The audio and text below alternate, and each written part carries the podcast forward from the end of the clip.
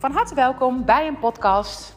Een podcast over Romeinen 13, geloof ik. Maar ik ben niet helemaal bijbelsgericht, maar ik ben wel heel ehm, gefascineerd door een stukje wat in de Bijbel staat.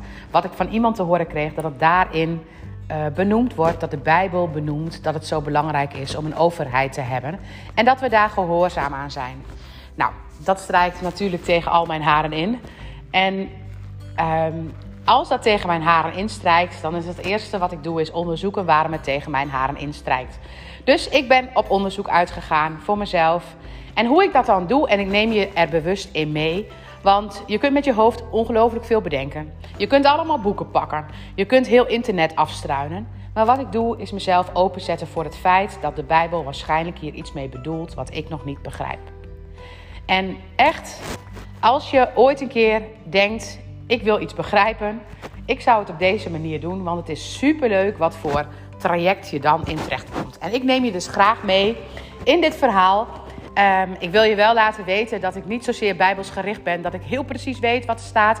Dus mocht ik daar uh, fouten in maken, dan, um, ja, dan mag je het laten weten. Want het gaat er dus om dat ik die tekst uh, niet honderdduizend keer doorgeplozen heb. Maar ik heb er gisteren wel een gesprekje over gehad met een uh, een dominee, een man die regelmatig bij mij komt, een hele wijze man, die voor zijn lichaam bij mij komt en waar we altijd, als we samen sparren, um, ja, ook bepaalde thema's aansnijden die zo ongelooflijk matchen met de Germaanse geneeskunde die ik predik. En predik noem ik bewust natuurlijk, want ik vind het zo hilarisch hoe het allemaal hetzelfde is.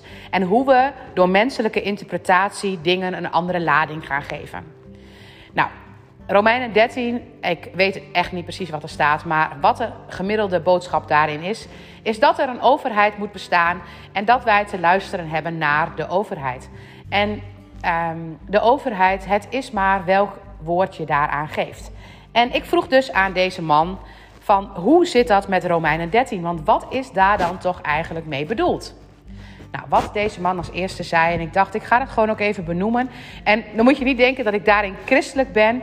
Um, ik ben christelijk opgevoed. Maar ik heb zelf het gevoel dat de Bijbel echt ongelooflijk veel wijze schatten bevat. Maar dat we het als mensen in heel veel situaties anders interpreteren dan dat de Bijbel dat bedoeld heeft.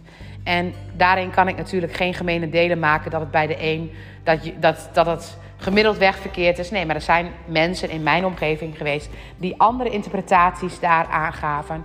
Waardoor ik soms mijn twijfels had of het klopte. Want ik geloof niet dat God dat op die manier benoemt. Dat er machthebbers mogen zijn. Dat wij allemaal trouw moeten zijn aan de machthebbers. En dat daar ook een verschil tussen man en vrouw zou moeten zijn. En wat de dominee aangaf, dat het een lastig stuk was. Dus hij benoemde al dat het een stuk was met een thema in zich. Met een lading in zich. En die lading, ja, hij zei: Ik heb het geluk dat ik um, niet een dominee ben geworden vanuit de basis van. Uh, hij zelf komt hier niet uit een gelovig nest. En dat is heel bijzonder, want daardoor heeft hij een andere visie. En kan hij met andere ogen naar situaties kijken, omdat hij zelf in zijn roots dat systeem niet heeft. Wat ik wel in mijn systeem heb. Um, dat is niet erg, maar het zorgt er wel voor dat ik dus mijn vragen stel over bepaalde dingen in mijn systeem. En dat hij die vragen zich niet stelt, maar zich verwondert over de Bijbel. Wat een hele andere lading geeft als je kijkt naar het begin.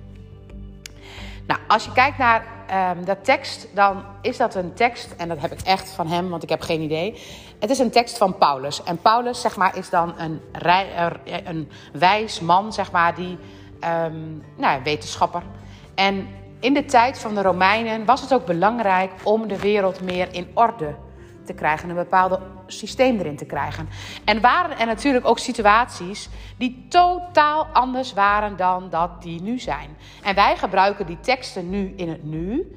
Terwijl we ook zouden mogen kijken dat die teksten in de periode van de Romeinen geschreven is. En de periode met Paulus, dat Paulus dat beschrijft. Nou ja, dan weet ik niet helemaal precies hoe ik het nu allemaal vertel. Maar dit gaf hij mij terug. En we moeten die teksten ook zien in de tijdsgeest. En wat er dan precies mee bedoeld wordt, als wij dat precies leggen op het nu, ja, dan zouden we als vrouwen inderdaad minder voorstellen en dan zouden we ons niet naar vergaderingen mogen laten zien. Maar wat er toen gebeurde, was dat de vrouwen die daar kwamen plezierdames waren. Vrouwen van plezier. En dat is ook helemaal oké, vrouwen van plezier. Alleen dat gaf een zo'n andere lading daar toen. Dat dat stukje zo benoemd wordt om te zorgen dat er meer orde en structuur in hun leven kwam. Dus allereerst is die tijdsgeest zo belangrijk. En alle woorden die daar benoemd worden, vrouwen, dat had niet gegeneraliseerd moeten worden als vrouwen, maar dat had gezien mogen worden als bepaalde vrouwen. Of vrouwen die tot iets, um, die mannen tot iets uitdaagden. Dus de tijdsgeest is hier heel belangrijk in. En verder is het heel belangrijk om te kijken naar de gelijkwaardigheid. Want wat God altijd predikt, is de gelijkwaardigheid. En de gelijkwaardigheid, die moeten we blijven zien. En die gelijkwaardigheid, het moment dat ik bijvoorbeeld een voorbeeld die ik, die ik pas geleden heb gekregen bij mijzelf, waar ik me over verwonderde, was dat wij. Ehm, ja, ik, ik, ga het niet helemaal precies benoemen, want anders doe ik misschien mensen tekort en dat vind ik ingewikkeld. Je moet je voorstellen, we waren in een situatie waarbij drie mensen iets aan het doen waren. En alle drie hadden wij een beschrijving en hadden wij een kind. En bij die beschrijving moesten we dus op een bepaalde manier uh, iets gaan doen. En persoon 1, ik was persoon 3, noem ik het dan even. Persoon 1 die deed het exact volgens de beschrijving zoals het zou moeten. Persoon 2 die deed ook de stapjes, maar die verbond. En ik was de persoon, zeg maar, die het papiertje nauwelijks heeft aangekeken. En die aan de, aan de persoon die, waar ik iets mee moest doen, um, ging, laten zien, zeg maar, van goh, hoe gaan we dat samen doen. Dus ik verbond mij met deze persoon. Ook de tweede persoon deed dat. Maar de eerste persoon deed dat niet. Die deed het zoals het boekje had aangegeven. Dus als je het doet volgens het boekje, en dat is ook wat ik, als je bijvoorbeeld kijkt naar een consultatiebureau, dat doen ze niet allemaal. Ik ga niet generaliseren, want het is niet zo dat iedereen dat doet. Maar wat ik wel eens lastig vond, is dat het allemaal volgens het boekje moet gaan. En dat er dan niet verbonden werd met de persoon. Dus dat ik daar zeg maar zat en ik een kindje heb met koemelkallergie.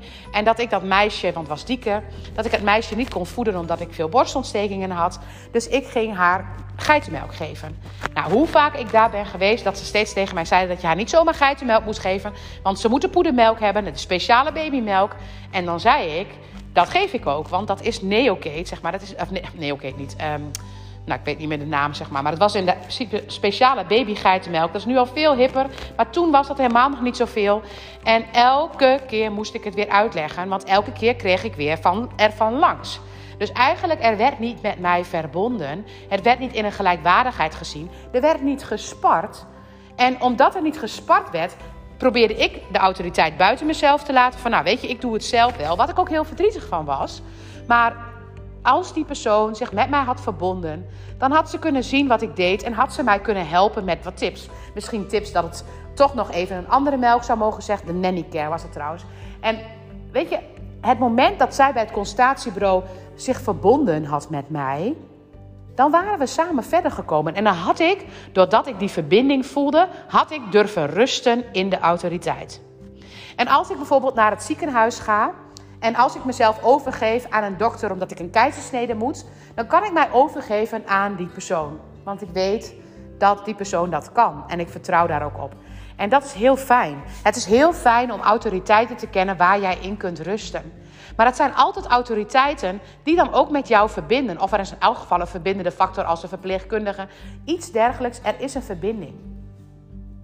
Maar als het iemand is die iets dwingt, en als het iemand is die eigenlijk zeg maar gewoon iets doet omdat het volgens het boekje zo moet, maar zich dan niet gaat verbinden, dan is het niet vanuit een gelijkwaardigheid. Dus een autoriteit is fantastisch. Als die autoriteit zich kan verbinden met jou en jij je kunt verbinden met de autoriteit. Als er een bepaalde gelijkwaardigheid in is, dan kun je erin rusten. En in dat stukje ben ik bij de geboorte al een soort van te pas gekomen. Want in dat stukje was mijn moeder dus klaar om te bevallen. Want die zei dus dat ze voelde dat de persdrang was. Maar de dokter had net gekeken. En hij ging niet nog eens kijken, want dat kon niet. Dus hij verbond zich niet aan mijn moeder. En daarom loop ik tegen die thema's aan ten aanzien van autoriteiten en hoe je daarmee om kunt gaan. En ga ik vaak gebukt eronder en ga ik me soms daar tegen vechten. Maar ik mag zien dat er eigenlijk autoriteit, ik heb dat op een dokter gelegd die op deze manier handelt. Maar eigenlijk mag ik het gaan leggen op een autoriteit, op iemand waar ik in zou kunnen rusten. Waar ik me in neer kan leggen. Waar ik het gevoel heb, daar vertrouw ik op. En als ik dat kan, dan heb ik autoriteit meteen als een andere lading. En dat is wat er denk ik in Romeinen 13 bedoeld is. Dat is wat de dominee gisteren tegen mij zei. Hij zei, het gaat over gelijkwaardigheid. In de Bijbel wordt heel veel benoemd over gelijkwaardigheid. En gelijkwaardigheid is heel belangrijk om te voelen. Want als je een gelijkwaardigheid hebt, dan kan er nog steeds iemand een autoriteit zijn. De persoon die de dingen regelt. Maar dan wel vanuit een gelijkwaardigheid. En niet vanuit ik ben de baas en ik houd helemaal geen rekening met de anderen. Dus in Romeinen 13 wordt van alles aangegeven. En misschien was de lading op dat moment inderdaad zoals het ook geïnterpreteerd wordt. Maar wellicht zouden we ook mogen kijken naar ehm, een arts die heel vervelend is omdat hij allemaal dingen zegt en helemaal niet met je verbindt. En een arts die zich heel goed kan verbinden. En misschien zouden we mogen kijken naar een juf die zich heel goed kan verbinden aan de kinderen. En een juf die dat helemaal niet kan en dus dingen bepaalt. Wellicht scheren we ze allemaal over één kam, omdat we daar moeite mee hebben. Maar misschien zouden we mogen kijken naar dat die autoriteit het doet vanuit een machtsstructuur. Ik heb de macht en ik denk verder niet meer na. En die persoon denkt ook niet meer na. Maar het gaat erom dat we met elkaar blijven nadenken en dat je voelt dat je bij bepaalde autoriteiten niet hoeft na te denken. Dat je eigenlijk daar gewoon in kan rusten. Dankjewel voor het luisteren.